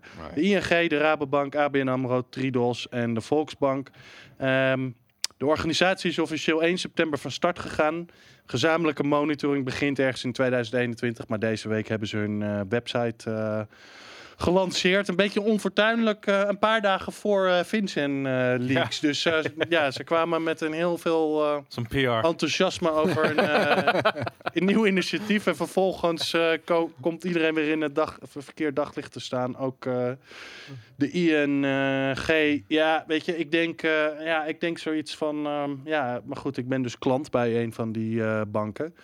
En denk ik, ja, oké, nou eh, worden mijn eh, dus, eh, transacties niet alleen door jullie allemaal bespeurd en nagekeken, maar vervolgens wordt dat ook gegooid naar alle andere banken in Nederland. Ik weet eigenlijk niet of ik daar nou zo blij mee ben. En de reden waarom ik daar niet zo blij mee ben, nou die reden heb ik ook al genoemd, maar ook omdat ik denk, ja, ik zie gewoon niet, weet je, het, het, het, het lijkt wel alsof.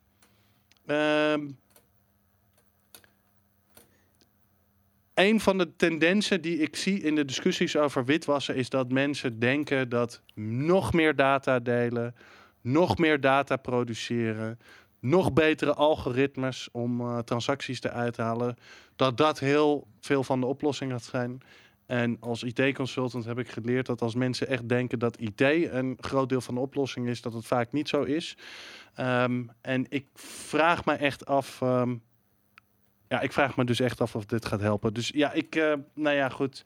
Ik, eh, nogmaals, ik, ehm, ja, ik maak me er zorgen over dat eh, nog meer data van mij eh, gedeeld wordt. Maar ook vraag ik me echt af of dit nu echt effectief eh, gaat zijn. Wat denken jullie? Ik denk eh, GDPR uh, zou ik misschien eh, iets hier, toch? Ja, maar dat geldt niet voor financiële transacties, blijkt. Oh ja. Ja. Oh, klopt. Oké, sorry. Ja, daar, maar dat, iemand anders had het er ook over inderdaad, toch? Dat, was jij dat misschien? Weet ik Simon niet. Lelyveld of zo. Ja, ja, dit, Ik snap eigenlijk niet Simon hoe het zit. Ja, Simon eh. Lelyveld zei dat, dat dit gewoon een strijd is van de GDPR. Ja, want je mag er niet maar om een of andere reden Ja. wordt dat Ja. gewoon genegeerd. Maar niet onze financiële data? Dat- Ja, het dat is heel absurd, ja. Ik bedoel, dat er wordt gewoon oogje dichtgeknepen en er wordt niks aan gedaan. Ja, Ben jij er Oké. enthousiast over, Aaron? nou, dit, ja, we, we, we hebben genoeg gehad over witwassen, denk ik, Jan. Ja. Je had nog iets zeggen, eh, de Magical Crypto Oh Conference ja, is laatst dit weekend. was een announcement. Ja. Eh, de Magical Crypto Conference wordt ieder jaar eh, tijdens Blockchain Week in eh, New York eh, gegeven. Volgens mij ben jij een keer geweest, hè? Bij Magical Het is Crypto. nog maar één keer geweest en dat was in mei toen, ja. Twee jaar geleden. Eh, nou, het is in mei, dus anderhalf jaar geleden, ja. Ja, oké. Toen waren wij er samen, toch? Waar, wat, was ik er toen ook? Ik was er niet. Maar ik was niet bij Magical Crypto, maar... eh, Nee, oké. nee, jij was daar niet. Nee, maar Nee, ik want was dat was de, want toen was dat nog niet. Jij was er niet. Maar Oké, ik was er niet. Je had, je had wel. Ik je, mocht je had niet. eerst bij consensus. Je, je had eerst gewoon consensus van Coindesk.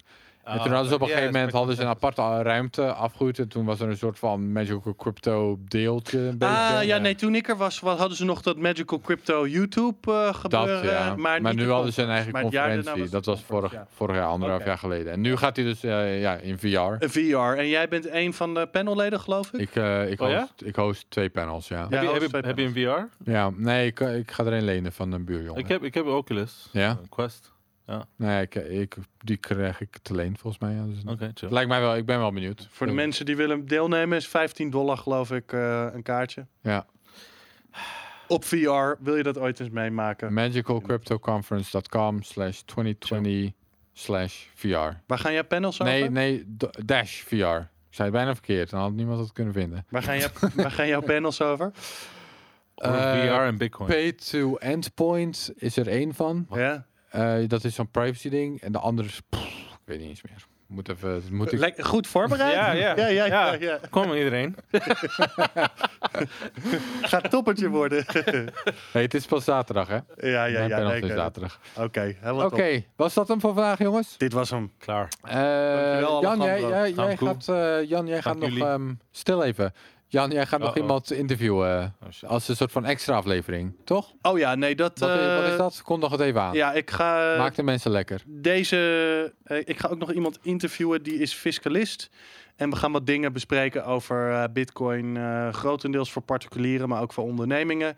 Eh, hoe zit het nou met eh, box 3, eh, box 1, box 3, ah, box 2 misschien ook wel. Alle boxen die je kunt bedenken komen aan de, aan de orde. Ehm, Dat ga je straks doen en dat wordt dan later deze week gepubliceerd. Gewoon als, dit- eh, als, onder, Ja, als de Bitcoin ik. Show aflevering, hè? klopt, ja. Oké. Ja. Mooi. Dat was Da- het. Horen da- jullie al een jullie muziekje? We moeten Subscribe en like. We moeten Bedankt, een muziekje horen in onze eh, oren, maar die horen we niet. Nou, dan doen we het zonder muziekje. Ja, Alessandro, bedankt voor het komen. Boris, eh, beterschap met je snotneus. Ja. Hopelijk zien we, zien we je volgende week weer. En dat was de Bitcoin Show aflevering 59. Tot ziens. Strong hand, everybody!